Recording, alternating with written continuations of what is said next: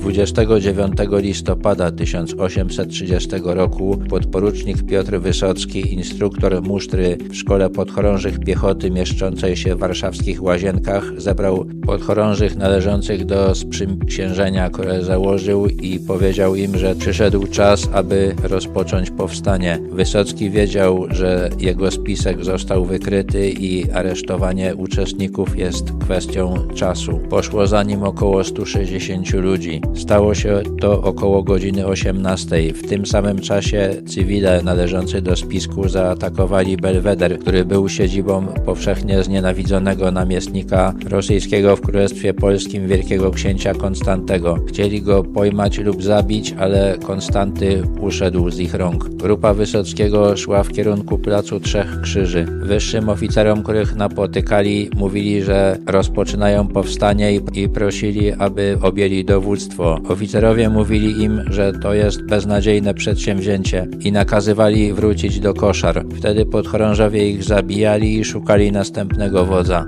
Tej nocy z rąk podchorążych i ludzi, którzy się do nich przyłączyli, zginęło sześciu polskich generałów i kilku oficerów niższych stopniem. Wysocki poprowadził swoich ludzi pod warszawski arsenał. Przyłączyli się do nich warszawscy plebejusze i żołnierze czwartego pułku piechoty liniowej. Arsenał udało się zdobyć, a czwartacy rozbili oddział rosyjskiego wojska, który próbował interweniować. Karabiny rozdano tym, którzy chcieli je wziąć i walki zaczęły ogarniać miasto. Część oddziału wojska polskiego stanęła po stronie powstańców, część zachowała neutralność, część razem z wojskiem rosyjskim walczyła z nimi. Do rana 30 listopada większość miasta była już w rękach powstańców. Książę Konstanty nakazał wiernym sobie oddziałom wycofanie się do Wierzbna. W ten sposób rozpoczęło się powstanie listopadowe, największe z polskich powstań narodowych w XIX wieku. W Wojsku Polskim 29 listopada jest Dniem Podchorążego.